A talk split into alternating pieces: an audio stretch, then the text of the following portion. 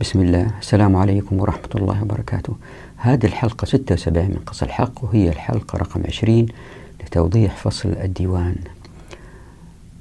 قبل الدخول في موضوع هذه الحلقة أتى استفسار من أحد المشاهدين أنه يعني كان في خلاف بين الأئمة الأربعة من جهة والسلف الصحابة والتابعين من جهة أخرى في مسألة الجعل.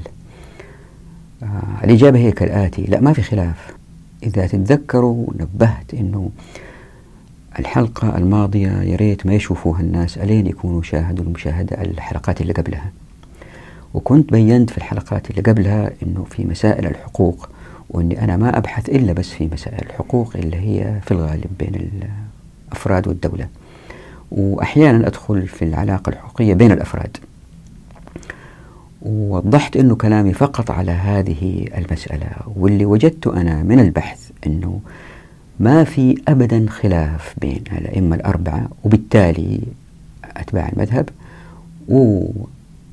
والصحابة والتابعين ما في خلاف بينهم أبدا في جميع القضايا الحقوقية بالذات مذهب الجمهور. أحيانا من الأئمة الأربعة إمام يخالف الجمهور وأحيانا ينقسموا إمامين إمامين لكن يظهر من أتباع المذهب أنه بعض أتباع مذهب يميلوا مع الرأي الآخر. فرأي الجمهور دائما يوافق أقوال السلف رضوان الله عليهم أجمعين.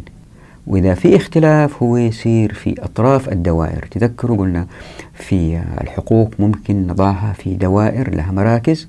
الفقهاء دائما يتفقوا على هذه المراكز. والمثال المشهور اللي ضربناه أنه الأئمة الأربعة والسلف كلهم أجمعوا على أنه الإحياء بدون إذن الإمام إلا أقوال أحيانا مختلفة أنه إن كان قريب من العامر لا يجوز وإذا في اختلافات بينهم هي ماهية الإحياء هل بناء مبنى فقط أو بناء مبنى وتسقيفه وما إلى ذلك.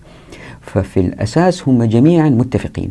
أيضا في مسألة الجعل التي تحدثت عنها في الحلقة الماضية هم كانوا متفقين جميعا السلف والأئمة الأربعة في كراهة الجعل إذا كان من الناس. أما إذا كان من الدولة فالأئمة قالوا لا بأس لأن الوضع في وقتهم كان مختلف تماما عن الوضع أيام السلف لأنه رأوا أيامهم أنه الدولة لديها الكثير من الأموال وبعضها ينفق في بناء مدن في بناء قصور وأقصد الدولة الأموية والعباسية و فقالوا لا بأس أنه الأموال تذهب للمقاتلين بدل ما تضيع في هذه الأشياء. فأقوال الأئمة أحيانا اختلفت أو بعض الفقهاء قد تكون وفي الغالب ولا ما قالوا ولا ما قالوا هذا الكلام في الغالب صالحة لزمانهم. لكن أحيانا قد لا تصلح لكل الأزمان كما هو فعل الرسول صلى الله عليه وسلم. وأفضل مثال كذا هو الديوان اللي تحدثنا عنه. فاللي صار لأنه الأئمة شايفين الأموال موجودة في بيت المال لم يعارضوا ذهاب الأموال كجعائل للأفراد للقتال. وهذا ما كرهه الصحابة والتابعين. لكن أنا حاولت في الحلقة الماضية إظهار هذه المسألة بقوة وبوضوح حتى نرى كيف الديوان بدأ يدخل من هذا الباب إلى كتب الفقه وسنرى إن شاء الله في هذه الحلقة والحلقة القادمة تأثير ذلك في المجتمع المسلم. ما أدى للتساهل في هذه المسألة وازدادوا السلاطين قوة مالية وبالتالي ظهر منهم من لم يحكم بما أمر الله. موضوع هذه الحلقة يبدأ من الصفحة 644 من كتاب قص الحق. نتحدث عن مراتب التجهيز الحربي وبعد كده نتحدث عن التسليع الماحوز والطبع ما معنى مراتب التجهيز الحربي؟ إذا الواحد فكر في المجتمعات. يجد أنها في الغالب في أربع مراتب وبالذات إن طبقنا الشريعة تتضح هذه بوضوح. المرتبة الأولى ألا وهي أنه الشعب يقوم المسلمين بكل شيء للدفاع عن الأمة. وهذه لن تحدث إلا للمسلمين إن طبقت الشريعة. أشرح الآن. المرتبة الثانية هي التي كانت في عهد الرسول صلى الله عليه وسلم وهذه أيضا لن تحدث إلا للمسلمين. المرتبة الثالثة ألا وهي التي حدثت في العصر الأموي والعباسي وباقي الدول. وهذه قد تحدث في معظم الإمبراطوريات في العالم وهي أنه بين الدولة والشعب المرتبة الرابعة والأخيرة ألا وهي أنه فقط الدولة مسؤولة عن هذا العمل. للتوضيح آه المرتبة الأولى هو أن طبقنا الشريعة لعدة أجيال مع فتح أبواب التمكين في الموارد والموافقات والمعرفة ولأنه الناس بدأوا يتقاربوا في الثراء ولأنه ما في فقر ولأن الناس كلهم أثرياء. إلا بيصير أنه لأنه العمل العسكري عبادة ولأنه من جهز غازين فقد غزا. الإنسان إنسان يمكن يجهز نفسه ويجهز واحد قريب شاب يعني بادئ حياته ما عنده كثير من المال. إلا بيصير أنه الناس بيغطوا نفقاتهم للقتال. وما يأخذوا راتب أو أجر من, آه من آخرين. يعني يندر أن يوجد الجعل بين الأفراد. فالإنسان يقاتل لنفسه لكن يوجد تجهيز من فرد لآخر. وفي هذه الحالة ولأن الناس أثرياء اللي بيصير أنه كل معدات القتال دبابات طيارات إلا يكون مهما كانت متطورة فتكون من صنع الشركات. زي ما راح نشوف إن شاء الله في فصل الشركة كيف الشريعة تدفع إلى أنه الإنتاج في المجتمع يكون عن طريقة جماعية لأفراد يملكوا الشركة اللي هم فيها. وليس ملك واحد غائب بعيد أو ناس يملكوا أسهم في الشركة لا في الغالب اللي يصير في الغالب اللي يصير هذا لا يمنع أن الناس يتشاركوا بأسهم. هذا ما هو موضوع تفصيل الآن. اللي بيصير أنه تظهر شركات لإنتاج الأسلحة. والآن كل الأسلحة المتقدمة القوية ما تنتجها الدول. لما تنتجها الدول تصير آه، آه، ضعيفة سيئة الإنتاج مثل ما صار في الاتحاد السوفيتي. آه مثل المنتجات الآن اللي في بعض الدول اللي تنتجها دول منتج رقيق لكن لما تنتج الشركات وتصير منافسة ولازم الشركة تثبت كفاءة منتجها عندها الدول تشتري منها وهي فقط لا تبيع لدولها تبيع لدول أخرى كمان بموافقة الدولة المنتجة طبعا اللي فيها الشركة. فاللي بيصير أنه إن طبقت الشريعة والناس كانوا أثرياء وظهرت هذه الشركات اللي بيصير قد يظهر آه نوع من التنافس بين القبائل المختلفة المدن المختلفة. مثلا هذه القبيلة وجدت شاب فذ عندهم يحب صناعة الدبابات مثلا وأعطوه الفرصة وأنتج أول دبابة بدائية لكنها نوعا ما تعد بمستقبل باهر. ويمكن المعرفة تكون منتشرة جدا بين الناس بالتأكيد مش ممكن منتشرة بين الناس في هذه المسائل ما في شيء سري المعرفة مباحة. إلا بيصير أنه هذا الشاب ينتج دبابة كويسة ولأنه باسم هذه القبيلة كل القبيلة تدعم هذا الشاب ويمكن تصير مباريات بدل مباريات كرة القدم مباريات بين المدن المختلفة القبائل المختلفة الصناعات المختلفة مثلا هذول النجارين هذول الحدادين يدعموا واحد هذول مثلا طيارين يدعموا واحد ثاني عندهم نادي طيران ولا بين الجماعات المختلفة في الأمة سواء كانت منافسة بين قبائل ولا بين مدن ولا بين مهن ولا يتنافسوا لإيجاد الأبرز. ويمكن آه، نمط غير هذا يطلع إمام مسجد ويخطب في الناس ورأى شركة تحتاج دعم تأتي الأموال من الناس لهم أثرياء لأنه هذا في حفظ لأوطانهم فإلا بيصير أنه تدعم هذه الشركات وتصير منافسات بين هذه الشركات مين يصيب أفضل من آه، أداؤه أسرع من آه، يصرف طاقة أقل. وهكذا يصير الوضع في الأمة لأنها عزيزة والأفراد منطلقين دائما هم في آه، قوة عسكرية جدا مرتفعة. وهذا الذي أرادته الشريعة وهذا يحدث بعد تطبيق الشريعة لعدة أجيال لأن الناس معظمهم أثرياء. طيب يمكن واحد يقول آه طيب يمكن هذول الجماعات لما يكونوا مسلحين يقاتلوا بعض. لا هذا لن يحدث. ليه؟ لأنه ما ننسى أنه المساجد لها دور الأئمة أحرار والأئمة ليسوا في أيدي الدول يتحدثوا بالحق وعندها هؤلاء يحثوا الناس على عدم عدم الاستيطان بين بعض. ومسألة أخرى تأتي في توضيح فصل الأماكن. الناس لن يصطدموا مع بعض. ليه؟ لأن الكرة الأرضية كبيرة والموارد كثيرة. والكل مستمتع بالإنتاج. المرتبة الثانية هو الذي وقع في عهد الرسول صلى الله عليه وسلم ويمكن يأتي زمان يقع مرة أخرى أو قد يكون وقع في التاريخ. ألا وهو أنه لأن الشريعة لم تطبق لعدة أجيال اللي صار أنه في بعض الفقراء في المجتمع مثل في عهد الرسول صلى الله عليه وسلم هاجروا ناس وتركوا ديارهم وأموالهم. ولأنهم في المدينة ولم ينتشروا في الأرض لأنه الإسلام كان بس في المدينة المنورة وشوية مناطق حولها. آه ما أغتنوا للسعي فعندما يجاهدوا يحتاجوا إلى التجهيز العسكري. في هذه الحالة يأتي الأثرياء لتجهيز آه، الفقراء. من جهز غازيا فقد غزا. وأحيانا كان في جعل لذلك أجاز الرسول صلى الله عليه وسلم. لكن هو ليس جعل من الدولة وهذا مهم. ليس جعل من الدولة. وبالتالي في هذه الحالة إذا كان الجعل بين الناس فإلا بيصير أنه الحاكم لن يستطيع أن يحكم بأهوائه أو بغير الشريعة لأنه ما عنده ناس يعونوا على ذلك لأنه ما في ولاء للناس منه لو إن لم يحكم بما أنزل الله لأنه ما عنده أموال ينفقها عليهم.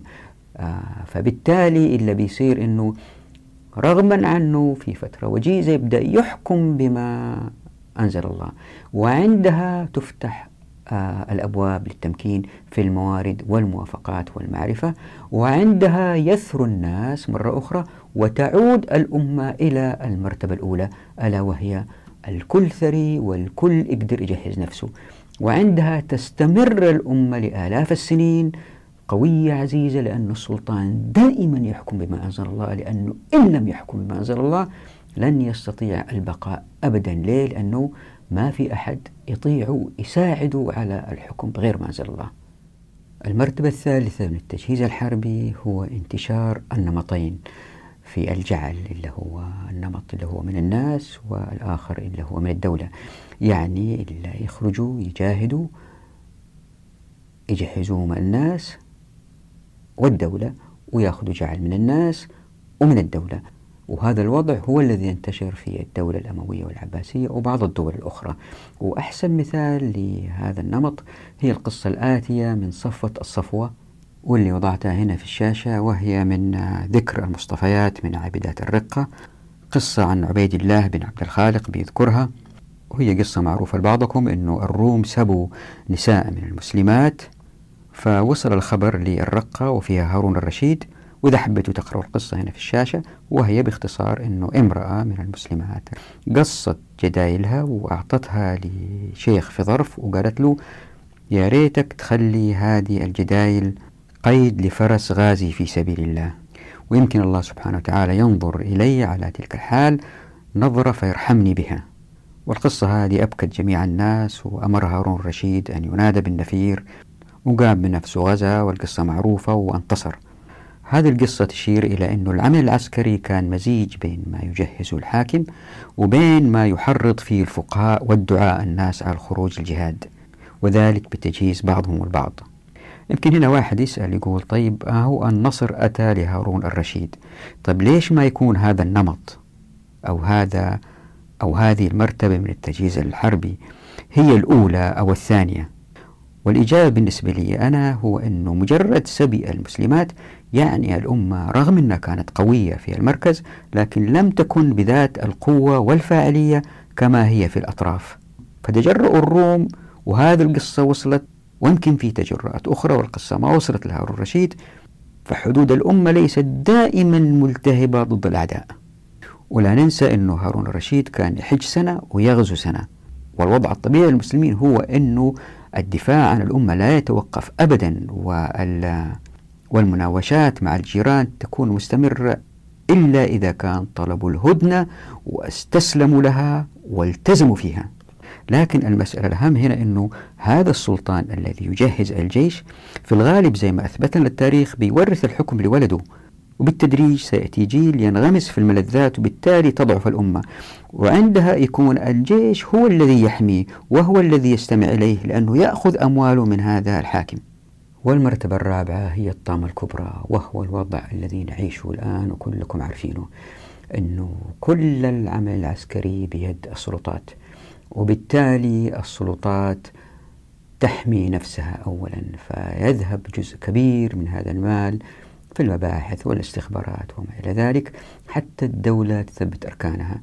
وهذه الوسيلة التي يتمكن بها أعداء المسلمين من السيطرة على المسلمين من خلال حكام وظيفيين يطبقوا لهم اللي يؤمروا فيه. لكن ما في داعي نفصل هذه المرتبة لأنكم كلكم عارفين بوضوح وعايشين فيها لكن بالتأكيد لن يحكم بالإسلام عندما نعيش هذه المرتبة ليه؟ لأنه يدرك الحكام جيدا أنهم إن طبقوا الإسلام سيفقدوا الحكم فالمعادلة واضحة بالنسبة لهم يجب ألا يطبق الإسلام لأنه إن طبق الإسلام فتحت الأبواب في الموارد والموافقات والمعرفة وبالتالي يفقدوا آه، بالتدريج قوتهم وبالتالي بالتدريج يفقدوا الحكم. فهم حريصين جدا على عدم تطبيق الشريعة لأن الإسلام هو عدوهم الأول برغم تظاهرهم بالإسلام في آه، الشعائر الصلاة والصيام وما إلى ذلك. لكن في التمكين لن يقوموا بذلك.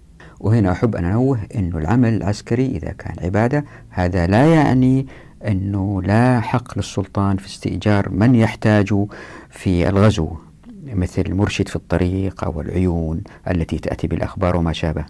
فهذه زي ما أنتم شايفين في الشاشة وضعت نص لذيذ من ابن قدامة يوضح هذه المسألة أنه في إجماع من أهل العلم بالاستعانة بهم. وقلت نص لذيذ لأنكم إذا حبيتوا توقفوا الشاشة وتقرأوه هو من مقطعين. إنه مثلا بيناقش كيف إذا كان الحاكم وعد شخص إنه إذا كان فتحنا القلعة الفلانية وداخلها في رجل يمكن يقول له والله بنت ذلك الرجل لك إذا كان سبيت وإيش يصير إذا كان أسلمت قبل أن يتم الفتح؟ تفاصيل يعني إذا كان واحد قرأها بالذات اللي وضعتها في الحاشية بس ما وضعتها هنا في الشاشة. يتعجب كيف الفقهاء الأوائل ما شاء الله عليهم أثروا هذا المجال باجتهاداتهم. والآن إلى الملخص ولأنه هذه الحلقة قصيرة وقطعنا فيها مشوار راح يكون الملخص يعني مختصر جدا. راح نبدأ إن شاء الله بتوضيحين الأول عن التسليع وننظر إلى نص من ابن منظور عن الجعل واللي يوضح أنه الجعل أحيانا قد يكون بالعكس يعني مو واحد يدفع مال لواحد آخر عشان هذاك يروح يجاهد لا هو يدفع مال لواحد عشان يأخذ محله في الجهاد. لأن ذلك الذي يأخذ المال قد يكون في الجيش النظامي الذي مسجل في الديوان وهذا يريد أن يدخل مكانه. ثم ننظر لتوضيح آخر عن معنى الماحوز والطوى واللي باختصار هو الطوى الانتقال بالتبادل المالي من مقاتل لآخر عشان يأخذ مكانه. الماحوز هو المكان وفي العادة كان الديوان مثلا ديوان الشام مقسم إلى عدة ماحوزات وكل محوز في عدد معين من المجاهدين. فنمر على نص من لسان العرب لتوضيح الماحوز وبعدين نص من موهب الجليل ونص ثالث من الذخيرة ونص رابع من الشرح الكبير. الهدف من هذه الحلقة كيف أنه العمل العسكري أصبح سلعة يتداولوا المجاهدين بين بعض بالمال حتى يكون لهم مكان في الدواوين. ويمكن واحد ينقل من ديوان لديوان فيدفع مال لآخر حتى يحل محله في الديوان. وهذا يؤثر في خلوص النية. رح نركز في هذا الموضوع على المذهب المالكي لأن الإمام مالك كره النفل وكره أن يؤاجر الفرد نفسه أو ابنه في سبيل الله. والسبب في اختيار المذهب المالكي أنه لابد أن يكون المالكية هم الأكثر تقييدا لأنظمة الديوان لأنهم كرهوا أخذ المال عموما في الجهاد لأنه يؤثر في النية. وبرغم هذه الكراهة تسلل الديوان من خلال عمل أهل المدينة والذي ظهر بعد سواد العراق تسلل إلى كتب الفقه. فننظر لنص من الكافي لابن عبد البر لتوضيح هذه المسألة. بعد كذا ننظر إلى نص من الذخيرة للقرافي ونرى في أنه كيف رغبات الجند في الانتقال من ماحوز إلى آخر من خلال الطوى أحدث سوقا بين المقاتلين. وهذا التقبل لأخذ المال من المجاهدين قد يؤثر في خلوص النية وهنا يظهر سؤال هل هذا الذي ترك ماحوزه مقابل بعض المال هل هو من الأتقياء؟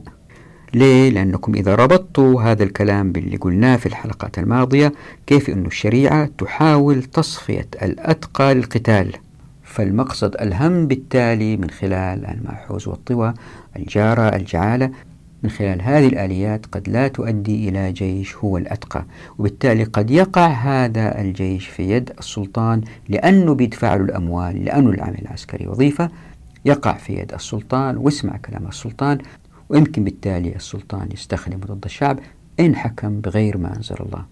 طبعا لإثبات هذه المسألة نحتاج عدة حلقات فهذه الحلقة وكأنها مقدمة لهذا الموضوع وراح نشوف إن شاء الله بإذن الله في الحلقات القادمة.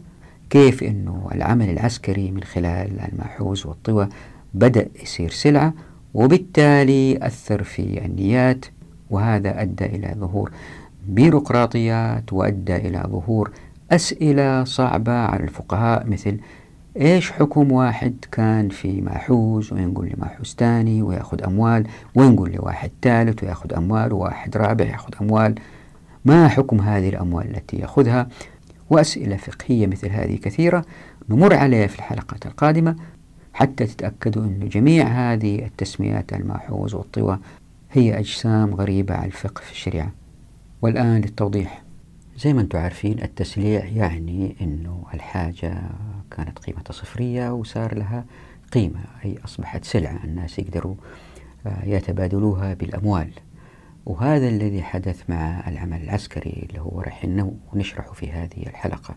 طبعا الجعل لا يعني بالضرورة أنه واحد يدفع مال لآخر عشان يخرج يجاهد. يعني أيضا العكس واحد يبغى يجاهد وما يقدر يجاهد لأنه الديوان اللي هو السجلات اللي فيها أسماء الجند محطوط فيها عدد معين من الجند فهو يبغى يدخل يقاتل يمكن مع هذا القائد يحب هذا القائد. فيبغى يكون في الديوان فيدفع مال لواحد عشان يخرج هو يدخل مكانه. وهذا الوضع المعكوس نادر الحدوث. وهذا اللي نستنبطه من تعريف ابن منظور اللي مر علينا في السابق واللي بيقول أو يدفع المقيم إلى الغازي شيئا فيقيم الغازي ويخرج هو. وكذلك من قول عمر بن الخطاب رضي الله عنهما ولا أبيع أجري من الجهاد. وذلك من حديث ابن سيرين الذي مر بنا. أن ابن عمر ذكروا عنده الجعائل فقال لا أغزو على أجر ولا أبيع أجري من الجهاد. هذا اللي راح هو التوضيح الأول عن الجعل. التوضيح الثاني هو ما المقصود بالتعبيرين؟ الماحوز والطوان. إذا تذكروا في الحلقة الماضية قلنا أن الديوان هو سجلات فيها أسماء الجند وأنه قد تكون هناك عدة سجلات واحد مثلا ديوان الشام واحد ديوان مصر. هذه الدواوين لما تأتي على المناطق يمكن أصغر وهذا تسمى الماحوز ففي الماحوز في سجلات لبعض الجند قد يحتاج جندي إلى الانتقال من ماحوز إلى ماحوز أو من ديوان إلى ديوان. مثلا جندي بغى ينتقل من الشام إلى مصر أو جندي يحب يقاتل مع هذا القائد لأنه أكثر شجاعة ودائما في قتال مستمر. أو لا والله العكس يبغى قائد يعني شوية هادي وما هو دائما في القتال. فالجند صاروا يبغوا يتنقلوا من ماحوز إلى ماحوز أو من ماحوز إلى ديوان أو هذا أدى إلى أنه العمل العسكري أصبح سلعة. فمثلا إذا نظرنا للشاشة هنا نجد الآن نص من لسان العرب لابن منظور ولا بيوضح فيه معنى ماحوز ولا بيقول فلم نزل مفطرين حتى بلغنا ماحوزنا.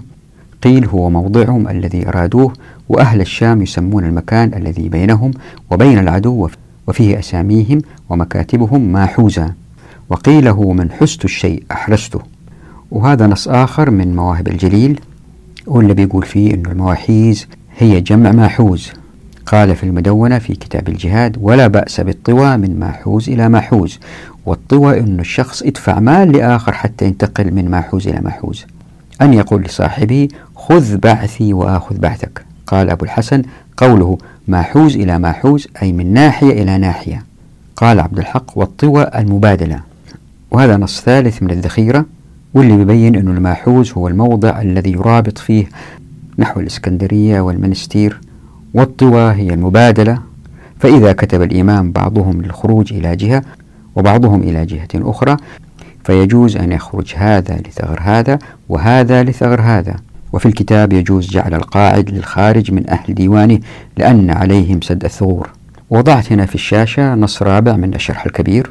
وتلاحظوا من أول النص أنه يجيز أن يدفع إنسان ما أخذه من جعل من الديوان لرجل آخر ليخرج مكانه بنفس الجعل. لكن في الوقت ذاته النص لا يجيز خروج فرد مكان فرد آخر في ديوان آخر. وهذه طبعا شروط آه، ما نعرف من فين جات وراح نناقش هذه المسألة إن شاء الله. مثل قوله ويشترط أيضا أن تكون الخرجة واحدة ولم يعين الإمام شخص الخارج. يعني من أين أتت هذه الاشتراطات؟ آه، ما في دليل. طبعا هذا أمر متوقع لأن الديوان مؤسسة مستحدثة على الأمة وزي أي مؤسسة تضع لنفسها أنظمة وقوانين وتريد من الآخرين الجنود ذويهم أن يتبعوا هذه الأنظمة. ومن الطبيعي أن الجند يحاولوا تخطي هذه الأنظمة. وزي ما راح نشوف في الاقتباسات القادمة بإذن الله فإن الانتقال من ديوان لآخر كان أمرا منتشرا بين الجند مقابل تنازلات مالية بعضهم لبعض. يعني وكأنه موقع المقاتل في الديوان أصبح حق مكتسب له. وله الحق إذا أن يتنازل عنه لآخر مقابل مبلغ مالي تحدده آلية العرض والطلب بين الجنود الكثر. يعني المواقع في الديوان أصبحت سلعة وهذه اللي نحاول نثبتها إن شاء الله. وبكده ظهرت أسئلة فقهية عن مدى جواز هذا التسليع. الآن خلينا نركز على المذهب المالكي لأن الإمام مالك رحمه الله تتذكروا هو الذي كره النفل وهو الذي كره أن يؤاجر الرجل نفسه أو ابنه في سبيل الله. هنا في الشاشة نص من الكافي لابن عبد البر وضعته في لوحتين. وإذا تتذكروا أن الإمام مالك هو الذي كره أن يعطي الوالي الجعل لفرد على أن يتقدم إلى الحصن فيقاتل. والحكمة من التركيز على المذهب المالكي هو أنه لابد أن يكون هذا المذهب وفقهاؤه الأكثر تقييدا لأنظمة الديوان والذين كرهوا أخذ المال عموما في الجهاد لأنه قد يؤثر في النية. ومع ذلك أباحوا الجعل إن كان من السلطان. طبعا أول ملحوظة على الاقتباس لكلام ابن عبد البر هو استخدام عبارة مضى الناس على ذلك وزي ما هو معروف فإن عمل أهل المدينة يعتبر مصدرا من مصادر استنباط الأحكام عند الإمام مالك. وهنا زي ما أنتم شايفين أن الإمام مالك يستند إليه لأن أخذ الجعل أصبح مألوفا في المدينة المنورة. ولأن الإمام مالك كان قريب لعصر الرسالة فلا بد أن يكون لعمل أهل المدينة التي عاش بها الإمام مالك رحمه الله وزنا معتبرا في استنباط الأحكام. طبعا هذا قول سديد في معظم الأحكام لأنه عمل أهل المدينة كان يتبع الرسول صلى الله عليه وسلم. لكن في الديوان فبرغم أن أخذ الجعل من السلطان لم يفعله الرسول صلى الله عليه وسلم لأنه ما أعطى أحد مال مقابل الجهاد لكن بعد سواد العراق أصبح شيء ملوف لأهل المدينة. وإذا تتذكروا عندما تحدثنا عن الجعل فإن الجعل عمل أقره الرسول صلى الله عليه وسلم كان بين الناس وليس إن كان مالا يؤخذ من السلطان. لكن نرى هنا في النص أن جواز الجعل انسحب على ما يدفعه السلطان أيضا بقول ابن عبد البر موضحا ومعنى قول مالك هذا أن يقول الرجل لصاحبه من ديوانه خذ بعثي وأخذ بعثك وأزيدك كذا وكذا ونحو هذا. تروا هنا كيف تسلل الديوان وبدأ العمل العسكري يتحول إلى سلعة. اللي يحير يعني في الاقتباس هو أنه ابن عبد البر يدرك تماما أنه الجهاد فرض أنه الجهاد عبادة من قوله فكيف يجب له جعل فيما يفعله بنفسه ودينه ودنياه؟ والجهاد فرض. ومن فعله فإنما أدى فرضه. ويدرك أيضا ابن عبد البر كراهة مالك لأخذ المال مقابل العمل العسكري. ومع هذا أجاز الجعل إن كان من السلطان لأنه حق للغازي بقوله ويجوز أخذ الجعل من السلطان. وتشوفوا الآن في الشاشة نص من الذخيرة للقرافي وضعته في لوحتين. تلاحظوا في أول النص أنه لا يجيز تنازل فرد لآخر مقابل مال مدفوع إن تنازعا. إن تنازعا في اسم مكتوب في العطاء. لكن لأن رغبات الجند ملحة ولأن الشخص الذي يوضع اسمه في ديوان قد يستمر لفترة طويلة في ذلك الديوان فمن المجدي حينئذ أن يحاول جندي ما الانتقال إلى ديوان أو ماحوز آخر. فإذا استثمر مثلا زيد بدفع مال ليأخذ مكان عبيد في ديوان آخر لسبب من الأسباب فهذا بالتأكيد يعد استثمار جيد لزيد مقابل مبلغ مقطوع يدفع العبيد ليتنازله عن موقعه. هذه الرغبات التي دفعت المقاتلين للحصول على أفضل موقع يلائمهم في الجيش أحدث سوقا بين المقاتلين للتنقل من ديوان أو ماحوز لآخر. وطبعا كلما ازدادت حركة التنازلات ماليا بين الجند كلما دل ذلك على أن الآخذين للمال مقابل التنازل هم أقل التقى يعني انتشار انتقال الجند من ماحوز لآخر مقابل المال. لهو دليل على أن أفراد الجيش ليسوا بالضرورة من الأتقياء الذين سيأتي النصر على أيديهم لأن بعضهم تنازل عن موقعه في الديوان مقابل المال. وبكذا يمكن تتغير النيات في الإخلاص. يعني ليس بالضرورة أنهم ممن قال الله سبحانه وتعالى فيهم أعوذ بالله من الشيطان الرجيم. يا أيها النبي حرض المؤمنين على القتال. إن يكن منكم عشرون صابرون يغلبوا مئتين وإن يكن منكم مئة يغلبوا ألفا من الذين كفروا بأنهم قوم لا يفقهون. الآن خفف الله عنكم وعلم أن فيكم ضعفا فإن يكن منكم مئة صابرة يغلبوا مئتين وإن يكن منكم ألف يغلبوا ألفين بإذن الله. والله مع الصابرين. وهذه تتذكر وحاولت أثبتها في حلقات سابقة من هذا الفصل. لهذا نلحظ أن النص يحاول تحجيم الطوى بين الجنود مقابل تنازل مالي. لكن بالطبع الفقهاء لن يتمكنوا من ذلك لأن الجند سيفعلون ذلك لحاجة بعضهم للطوى. يعني يمكن مقاتل يبغى يكون بالقرب من أهله لأنه أهله انتقلوا من منطقة إلى أخرى فهو ينتقل أيضا وبالتالي يمكن يستثمر في دفع مال لجندي لآخر حتى يأخذ مكانه دون إشعار السلطات أنه فعل ذلك مقابل المال أحيانا. فقط يمكن يشعروا القائد المباشر لهم. وأحيانا يمكن يقوموا بهذا التبادل في المواقع من غير ما يشعروا السلطات واحد يقول أنا ارتاح في ذلك الماحوز وبالتالي هذا جاء مكاني فإيش المشكلة إذا كان رحت مكانه أو جاء مكاني؟ وبكذا يمكن تتغير النيات في الإخلاص. وبكذا ظهرت أسئلة فقهية عن جواز أخذ المال في حالة الطوى من عدمه.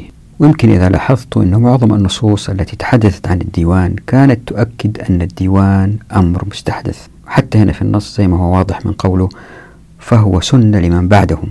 فإذا تلاحظوا مثلا في أول النص أنه بيقول وفي الكتاب لا بأس بكتابة الرجل اسمه في ديوان مصر أو الشام أو غيرهما فإن تنازع رجلان في اسم مكتوب في العطاء فأعطى أحدهما الآخر مالا ليترك له ذلك الاسم. قال ابن القاسم لا يجوز لقول مالك لا يجوز بيع الزيادة في العطاء بعرض ولأن المعطي إن كان صاحب الاسم فقد أخذ الآخر حراما. فلاحظوا التردد الشديد بين الأئمة لكن في الوقت ذاته وبرغم أنه الديوان مستحدث الواحد يتعجب كيف تغلغل في الفقه لدرجة أنه جرير قال بأن أصحاب العطاء أفضل من المتطوعة. وجاء في مصنف عبد الرزاق عن الثوري عن جابر قال سألت الشعبي عن الغزو وعن أصحاب الديوان أفضل أو التطوع؟ قال بل أصحاب الديوان المتطوع متى شاء رجع. من مثل هذه الأمثلة الواحد يرى مدى تغلغل الديوان كمؤسسة في الإسلام. يعني كيف يمكن يكون الجندي الذي يأخذ العطاء من السلطان أفضل ممن تطوع وخرج بنفسه وماله؟ هذه معادلة الواحد صعب يفهمها. ليه؟ لأنه في حديث مشهور عن الرسول صلى الله عليه وسلم رواه ابن عباس في مسند الإمام أحمد من أن أجر الذي خرج بنفسه وماله هو الأكثر. فقد قال صلى الله عليه وسلم ما من أيام العمل الصالح فيها أحب إلى الله عز وجل من هذه الأيام يعني أيام العشر. قال قالوا يا رسول الله ولا الجهاد في سبيل الله؟ قال ولا الجهاد في سبيل الله إلا رجلا خرج بنفسه وماله ثم لم يرجع من ذلك بشيء. يعني باختصار زي ما أنتم شايفين في هذه الحلقة اللي هي مقدمة للحلقة القادمة كيف أنه العمل العسكري كتسليع بدأ يدخل في كتب الفقه ولم يحاربه الفقهاء بشدة. طبعا هم معذورين في ذلك الوقت لأن الأمة كانت قوية جدا ولم يروا ما الذي سيحدث. آه، إن لم يكن العمل العسكري عبادة لم يروا ما هو حادث في أيامنا هذه وكيف الدول تستخدم الجند لعدم تطبيق الشريعة وإلا لما تساهلوا في هذه المسألة رضي الله عنهم وأرضاهم. والإثبات هذه المسألة وكيف كانت خلافية بين الفقهاء بعضهم كرهوها بعضهم أباحوها. لابد من تقصي المسألة في الحلقات القادمة إن شاء الله لأنها تأخذ أكثر من حلقة وموضوع المأحوز والطوى ما انتهى. أنا وقفت في نصفه تقريبا. سنكمل إن شاء الله الحلقة القادمة حتى لا تطول الحلقة. نراكم على خير في أمان الله ودعواتكم.